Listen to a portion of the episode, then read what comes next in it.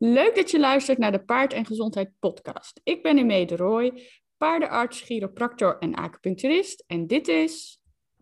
Ik ben Iris van Gulek en ik ben ook paardendierarts. En Mee en ik hebben samen gestudeerd. En nu is onze missie om de gezondheidskennis van paardeneigenaren te vergroten en op die manier de gezondheid en het welzijn van paarden te verbeteren. En dat doen we graag in deze podcast.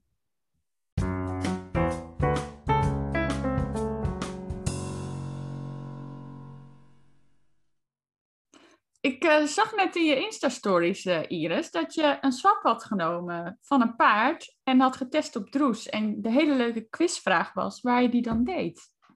Ja, Ehm, onder de staart hebben 99 mensen geantwoord. ja, dat doen ze expres. Ja, dat denk ik ook. Jij doet ook altijd expres. Dus Klopt, ik doe ook altijd expres een verkeerd antwoord, ja. Maar um, ja, ik had net inderdaad een uh, swap genomen van een paard met, uh, die verdacht wordt van droes. Gelukkig ja. heeft hij het uh, nog niet zeker. Maar dan nemen we inderdaad die swap in de neus. En uh, ik denk dat we daar later op terugkomen in het verhaal, ja. want wordt het wel heel erg van de hak op de tak. Maar we gaan het vandaag dus hebben over droes. Ja, precies. Want wat is droes eigenlijk? Want we horen het natuurlijk heel veel. Maar het is dus een heel besmettelijke ziekte. Uh, waarbij ja, de mensen herkennen het waarschijnlijk wel uh, de ontstoken lymfeknopen. En die wordt veroorzaakt door een bacterie. En dat is de Streptococcus equi. Equi. Dus twee keer equi achter elkaar. Ja, dat uh, heb je heel goed uh, opgelezen. Nee, dat weten we wel uit ons hoofd. Dat weten we uit ons hoofd. Uh, ja, en droes komt eigenlijk veel voor. Bijna alle paarden die krijgen in hun leven wel een keer droes. Ja. We gaan het er later nog even op, over hebben of dat echt zou moeten. Want misschien moeten we eigenlijk wel wat meer ervoor zorgen dat er minder droes is in Nederland. Maar daar gaan we het later ook wel. over hebben. Ja. Um, en jonge paarden tot een jaar of vijf die lopen het meeste risico om het te krijgen. Uh, en natuurlijk paarden die in contact komen met andere paarden ook.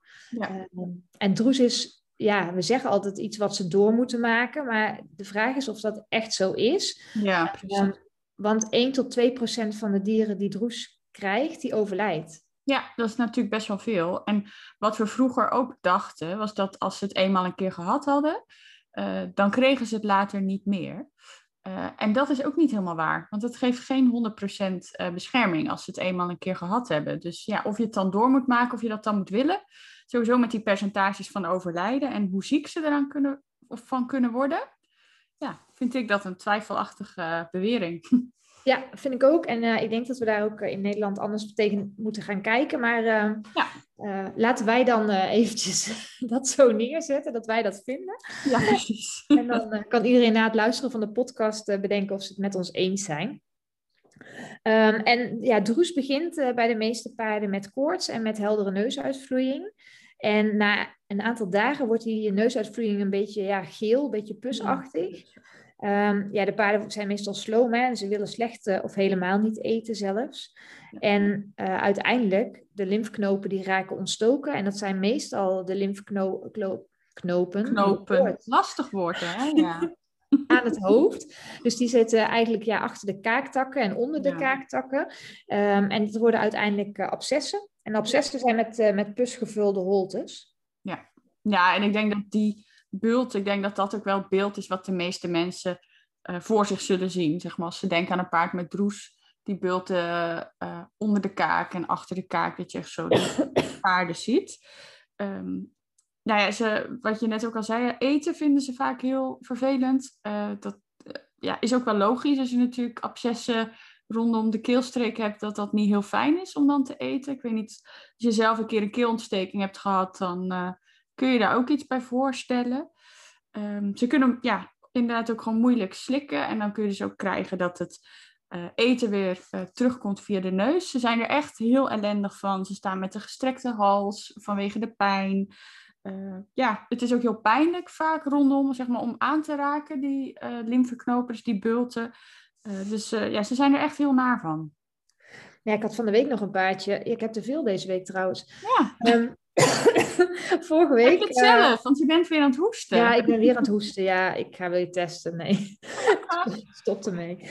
Maar um, uh, vorige week, nee, afgelopen week had ik nog een paardje en die uh, kwam bij mij omdat hij ook moeilijk kon slikken, inderdaad. En ehm, als hij dronk, dan kwam het water terug uit zijn neus. En hij kon ook heel slecht eten. kwam ook allemaal eten uit zijn neus. Dus eerst ja. gecontroleerd voor een slokdarmverstopping. Want dat kan natuurlijk ook zeker het geval zijn. Dat had hij niet. En aan de buitenkant kon je er eigenlijk niks van zien, van de droes. Maar uiteindelijk heb ik hem gescoopt. En als je dan in de luchtzakken keek, zag je daar wel de abscessen oh, ja. staan. Uh, maar dat was dus echt helemaal binnenin. En je zag het eigenlijk aan de buitenkant helemaal niet. Nee. Dus uh, ja, daar, daar hebben ze wel veel last van. En als ze dan een slok water nemen en het water komt zo rechtstreeks ja, neus lopen, ja. ziet er ook wel echt uh, naar uit. Ja, dan zijn ze ook wel echt goed ziek van. Ja, ja, en het is natuurlijk ook heel gevaarlijk, hè? want die lymfeknopen die drukken ja, aan de binnenkant van de luchtwegen eigenlijk, hè? aan de binnenkant van de keel. Um, en als die echt heel groot worden, dan kunnen ze zelfs eraan uh, stikken. Dus ja. dat is niet, uh... ja, precies. Ja, ja en het uh, klassieke beeld wat, van de abscessen die dan doorbreken, die, die ontstoken lymfeklieren die dan kapot gaan, zeg maar, die dan, waar dan de pus uitstroomt. Uh, dat zullen mensen denk ik ook wel uh, herkennen. En op dat moment, um, ja, valt eigenlijk, is die zwelling wordt ook gewoon acuut uh, minder. En dan ja, zie je vooral dat pus. Ik weet nog dat mijn paard, dus dat is al heel lang geleden, toen het een jong paard was, hij is er ondertussen niet eens meer. die had het toen ook. En ik weet nog dat ik toen voelde, want hij had echt heel duidelijk zo die dikke lymfeknopen tussen zijn kaaktakken. En dat ik toen zo onder zijn kaak voelde. En dat op dat moment het zeg maar stuk ging. Of dat toen zo de pus eruit stroomde. En ik was toen denk ik uh, eh, 13 of 14 of zo. En uh, oh, dat vond ik toen zo smerig. Maar goed, toen wilde ik alsnog wel dierenarts worden. Maar, dat, uh, ja. En, maar daarna was hij wel vrij snel... Uh, ja, weet je, toen was de pijnlijkheid wel weg. Doordat het open was gegaan. Voelde ja, hij daarna wel een stuk beter een stuk beter inderdaad. Ja, precies. En ja. Um, ja, dat noemen we eigenlijk de gewone droes. Hè? De ja. normale droes zit vooral aan het hoofd. Maar je kunt ook verslagen droes krijgen. En dat is echt een hele verschrikkelijke vorm. Uh, want dan gaan die abscessen dus in de buikholte of in de borstkas of in de spieren zitten. Um, en die paarden zijn echt heel ziek. En die kunnen ook uh, ja, wisselend wel en geen koorts hebben. Ze worden echt super dun. Um, ik heb er wel eens eentje gezien die echt broodmager was. En daar stak ik mijn hand in om op te voelen. En dan voelde je gewoon echt een mega absces in zijn buik zitten. Ja, um, ja en die komen eigenlijk niet meer goed. Dus dat is wel echt uh, drama als dat uh, gebeurt. Um, en die paarden kunnen dus ook bijvoorbeeld koliek laten zien. Of ja, diarree, omdat die darmen ook van binnen natuurlijk niet goed meer uh, zijn. Ja. ja, en dan als je dus verslagen droes hebt, heb je maar een heel kleine kans dat ze weer herstellen. Ja, precies. Ja, ja. Dus uh, dat is nog ernstiger. Ja. Ze, nou, en hoe krijgt je paard dan droes? Nou ja, we zeiden net al, dat komt dus door een bacterie. En je kan je voorstellen dat die bacterie um, in, het, ja, in de neusuitvloeiing en in de pus dus zit, wat we dus net vertelden van die uh, ontstoken lymfeklieren. En daar zit dan dus heel veel, uh, ja, zitten die bacteriën echt in grote getalen zijn die daarin aanwezig. Um, en dat is dan dus ook het hele besmettelijke, hè? dat ze dan in aanraking komen met die neusuitvloeiing, met die bacterie en dat je dan, um, ja, dat dat dan via de neus, via het, het, het neus-neuscontact, of uh, je bent lekker aan het hoesten, joh. Ja, ik wil het inhouden, maar dat, oh, dat werkt niet. Nee, nee. Sorry, uh, luisteraars. Sorry. Ja, uh, maar dan ben ik mijn verhaal kwijt. Want die... Ja, het neus-neuscontact. Oh ja, neus-neuscontact, inderdaad. Ja. overgegeven. Ja, precies. Uh, en zo komt dan natuurlijk die bacterie uh, binnen via de neus of de mond. dus daarom moeten besmette paarden ook echt geïsoleerd worden. Ja, dat is heel belangrijk. Dus het kan door direct contact van paard op paard. maar het kan ook in, ja. indirect. Um, je kunt het bijvoorbeeld zelf meenemen op je mouw of op je handen. Um, je kunt je voorstellen als daar uh, ja, neusuitvloeiing of pus op zit, dat je het zo uh, naar een ander paard meeneemt. En dat kan ook uh, heel goed via waterbakken of via tuig, ja, emmers, ook via de trailer. Als je je paard of je trailer uitgeleend hebt en dat paard blijkt toch droes te hebben, dan ja, heb je grote kans dat je eigen paard het ook krijgt. Ja. Um, het voordeel van droes is wel dat besmetting dus niet plaatsvindt ja, echt door de lucht. Dus niet over lange afstanden. Nee. Dus als er maar ruimte genoeg tussen zit, dan kun je het wel eigenlijk aan uh, ja, in één wei houden. Als ze tenminste niet over de draad kunnen neuzen, maar dat er wel een aantal meters tussen zit. Ja. Uh, of in een bepaalde aparte stal. Dat is wel uh, het voordeel van droes, dat dat wel redelijk plaatselijk blijft. Ja, is wat anders dan een virus, wat natuurlijk ook nog wel via de lucht wat uh, overgedragen kan worden. Dus dat uh, maakt het inderdaad uh, wat anders. maar ja, de afstand moet natuurlijk wel, wat je zegt, moet wel groot genoeg zijn. Dus niet dat ze via draadjes nog contact hebben. Dus hou er echt wel even wat afstand tussen. En let er dus zelf ook op, hè. Dat je dus niet, nou ja, wat we eigenlijk in onze eerdere podcast over Rino bijvoorbeeld ook al zeiden, dat je niet van het ene paard naar het andere paard en dan een aai over de neus en dan de ander ook weer een aai over de neus geeft. Dat is natuurlijk allemaal niet zo, uh, niet zo handig. Nee, dat moet je vooral, uh, vooral niet doen. Nee. nee. nee. Maar als je um, droes op je stal hebt en je hebt je helemaal netjes omgekleed en netjes gewassen en alles is helemaal schoon, schone schoenen, dan ben je eigenlijk ook wel echt klopt. schoon. Ja. Dus um, ja, als je bijvoorbeeld les moet geven en je hele stal zit thuis onder de droes, dan moet je natuurlijk dat wel melden bij degene waar je les gaat geven. En um, overleggen of ze het niet erg vinden. Maar als je je heel netjes aan je hygiënemaatregelen houdt, dan kan dat eigenlijk geen kwaad. Ja, maar dan is die hygiëne dus inderdaad wel heel, heel belangrijk. Ja. Dus niet alsnog met dezelfde schoenen of zo, weet je. Dat, dat zijn allemaal van die dingen. Ja, je moet wel gewoon helemaal schoon. En dan kun je prima eigenlijk naar een andere locatie. Dan hoop ik niet dat we nou heel veel mensen boos maken daarmee, want mensen raken vaak heel erg in paniek. Maar ja, als je je aan die hygiënevoorschriften houdt, dan kan dat in principe. Ja, ja maar wel netjes, uh, netjes doen. Ja. Um, en ja, die bacterie die kan uh, ja, tot vier tot zes weken nadat een paard ziek is geweest, kan ja. die nog uh, ja, andere paarden besmetten eigenlijk. Ja. Um, en dus via de neusuitvloeiing, uh, en de pus die in het water komt, bijvoorbeeld als je een drinkbak hebt, kan dit nog veel langer besmettelijk zijn. Want op hout en in water kan het zelfs twee maanden overleven. Ja. Um, dus het is wel heel belangrijk dat als je bijvoorbeeld droespaarden in een wei hebt gehad en je haalt die eruit, dat je dan niet denkt, oh die wei is uh, prima, ik zet er weer een ander paard in. Nee, Want ja, dus via uh, ja, pus op hout kan het al uh, twee maanden ja, doorgegeven worden. Dus dat is een hele lange tijd. Ja, daarom. Dus daar moet echt wel rekening mee gehouden, worden als er andere paarden op zo'n stukje worden gezet. Of uh, uh, ja, andere paarden weer naar een uh, locatie gebracht worden.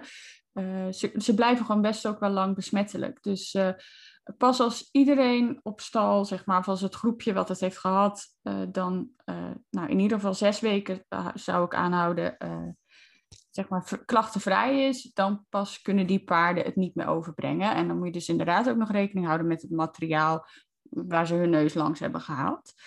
Um, en wat wel zo is, is dat je het wel vaak uh, goed kan uh, desinfecteren. Hè? Dus, uh, de bacterie is um, goed gevoelig voor desinfectiemiddelen. Maar ja, zoals uh, onze professor Sloet vroeger altijd zei, van het moet eerst wel huishoudelijk schoon. Dus het moet eerst uh, goed schoongemaakt worden. Het heeft geen zin om desinfectiemiddel op pus te spuiten. Dus het moet wel, ja, nou ja, ik bedoel, je moet het. gewoon het hout huishoudelijk schoonmaken. En dan pas, uh, das, dan desinfecteren. Anders heeft het geen ja. zin. Eerst schrobben, dan desinfecteren. Zo is het. Zo is het.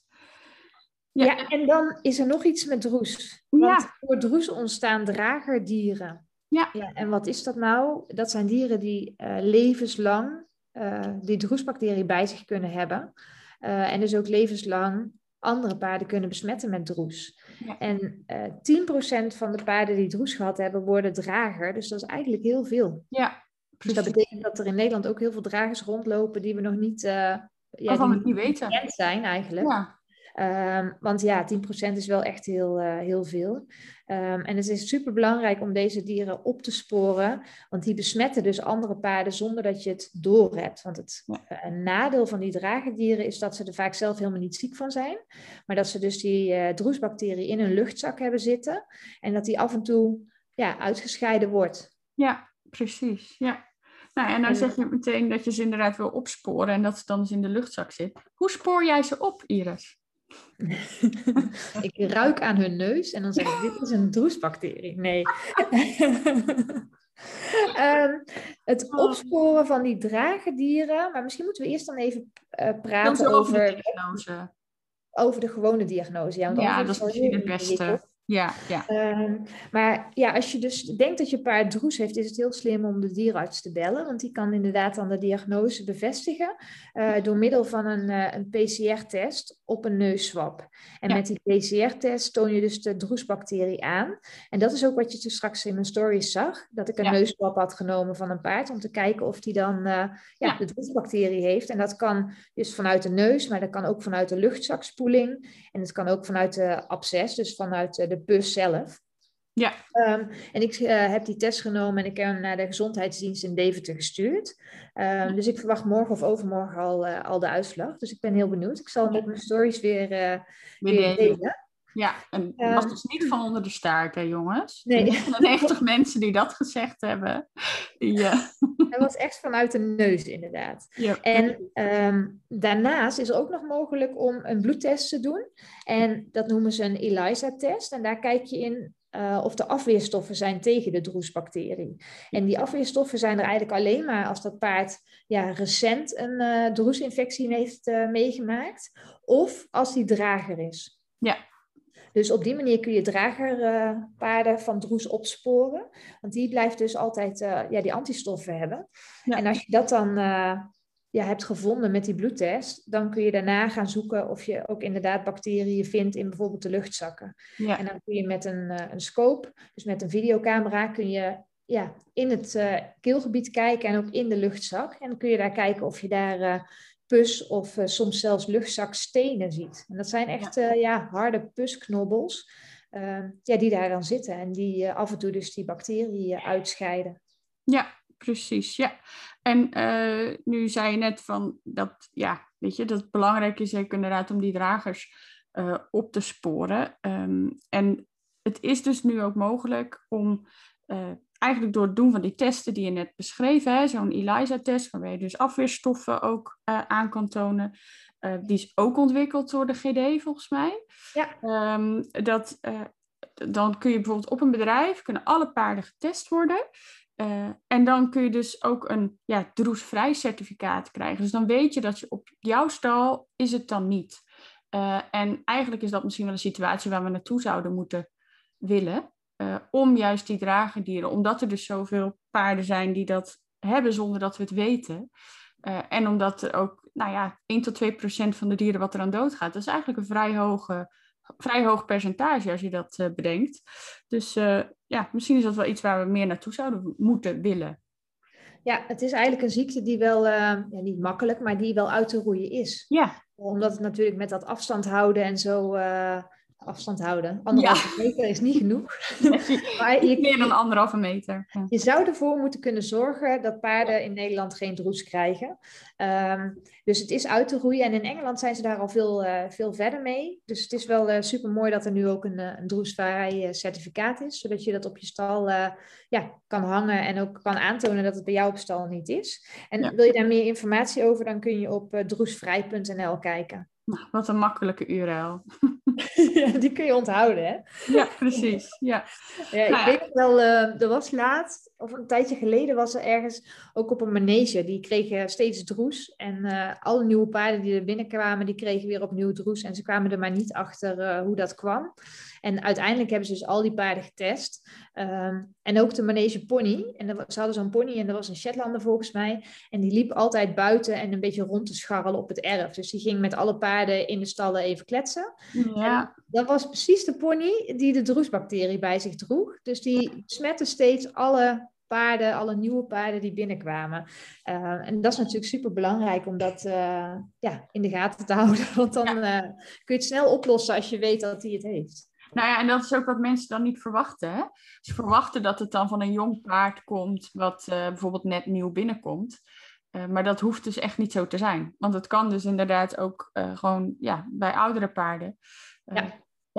Ook zo zijn. Dus ja.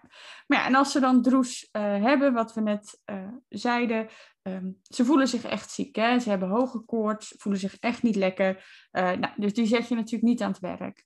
uiteraard bel je je dierenarts als je dat dus denkt dat het droes is. Um, en wat we natuurlijk normaal gezien kennen, als er iets van een ontsteking speelt, veroorzaakt door een bacterie, dan geven we antibiotica. Maar dat ja, gaan we bij droes niet doen.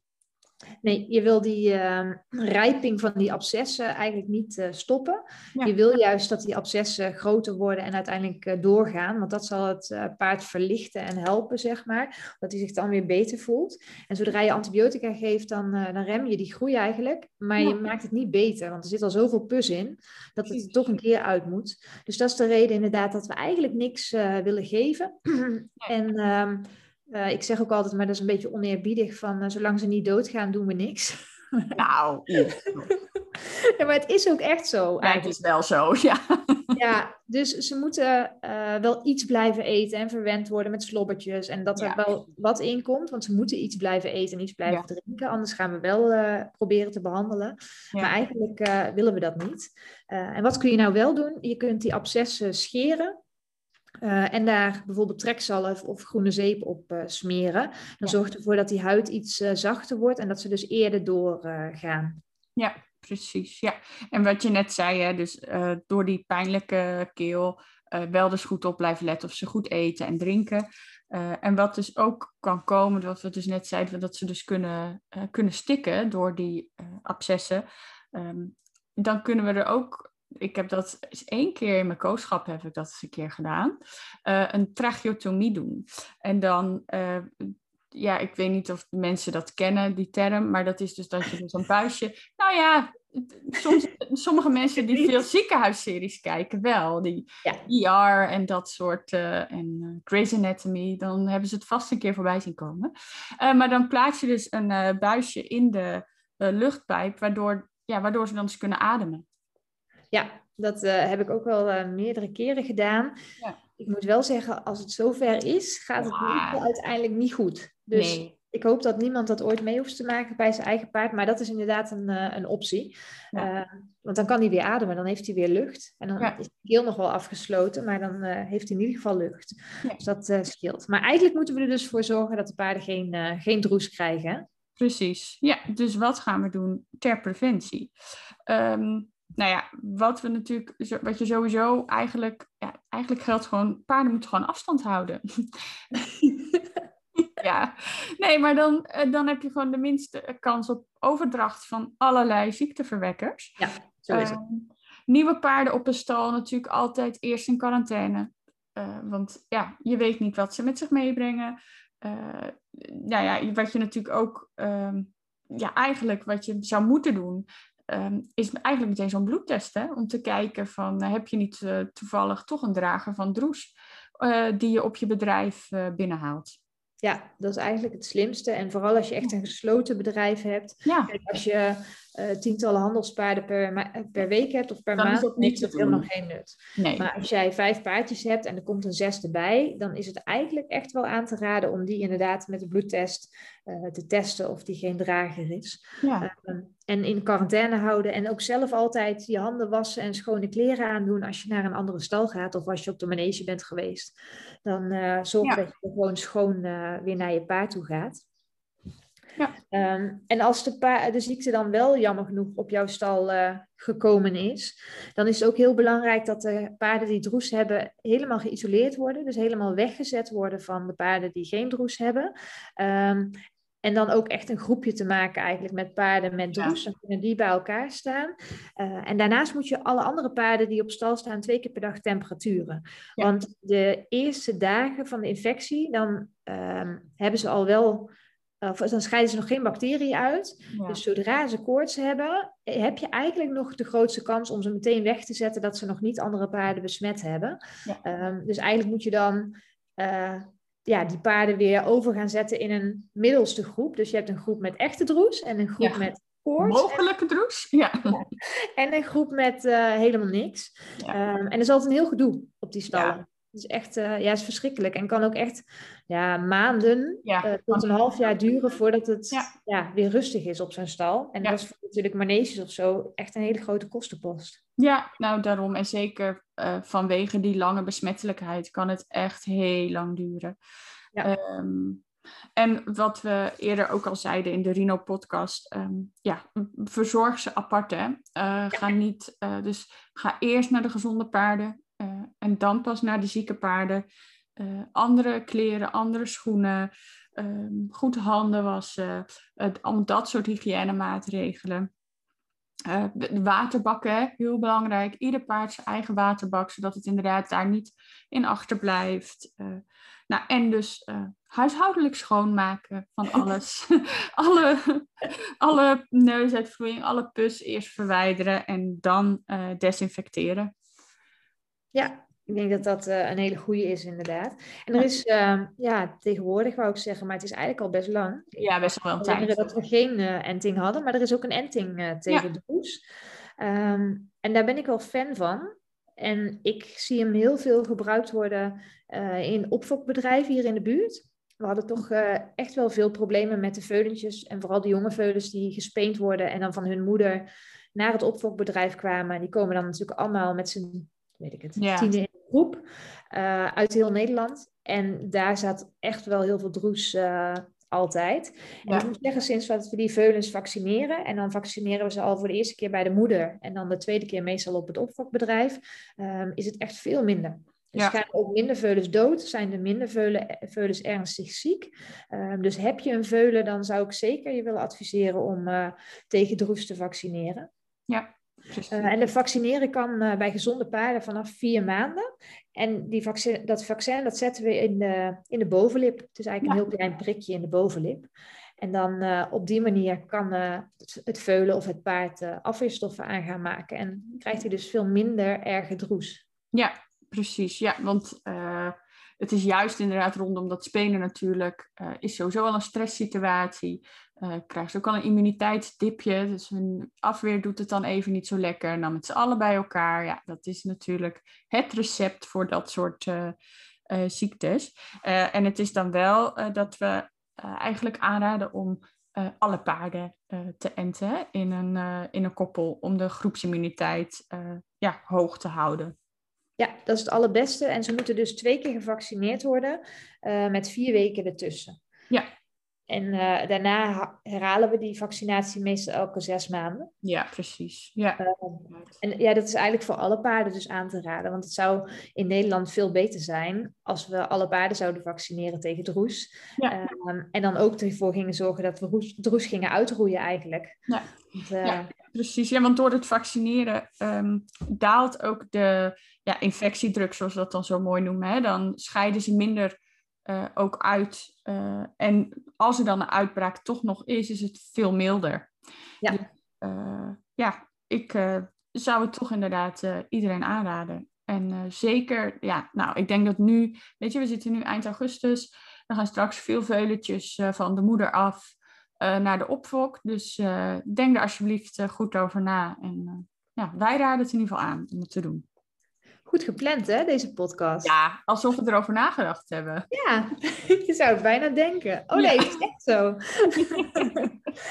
nee, maar ik denk dat dat, uh, ja, dat het verhaal van, uh, van Droes is. En we zouden er nog veel langer uh, over kunnen praten. want het is gewoon ja, echt een rotziekte. En ja, ja, spannend als je paard het heeft. Want je weet nooit welke kant het uitgaat. Nee, dus, ik denk dat er soms wat te licht over wordt gedacht. Dat, denk ik ook. Ja. Maar nu niet meer, nu iedereen dit nee, geluisterd Nee, iedereen zit nu geluisterd en neemt het nu heel serieus. Zo is het. Nou, ik denk dat we daar maar mee afsluiten. Dat denk ik ook. Ik denk dat hij weer lang genoeg was. dus uh, nou, deel het uh, in je stories als je onze podcast hebt geluisterd. En dan uh, ja, horen we het graag ja, hoe jullie erover denken en of alle veuletjes nu geënt gaan worden. Ja, leuk als jullie het delen. Ja. Doei doei.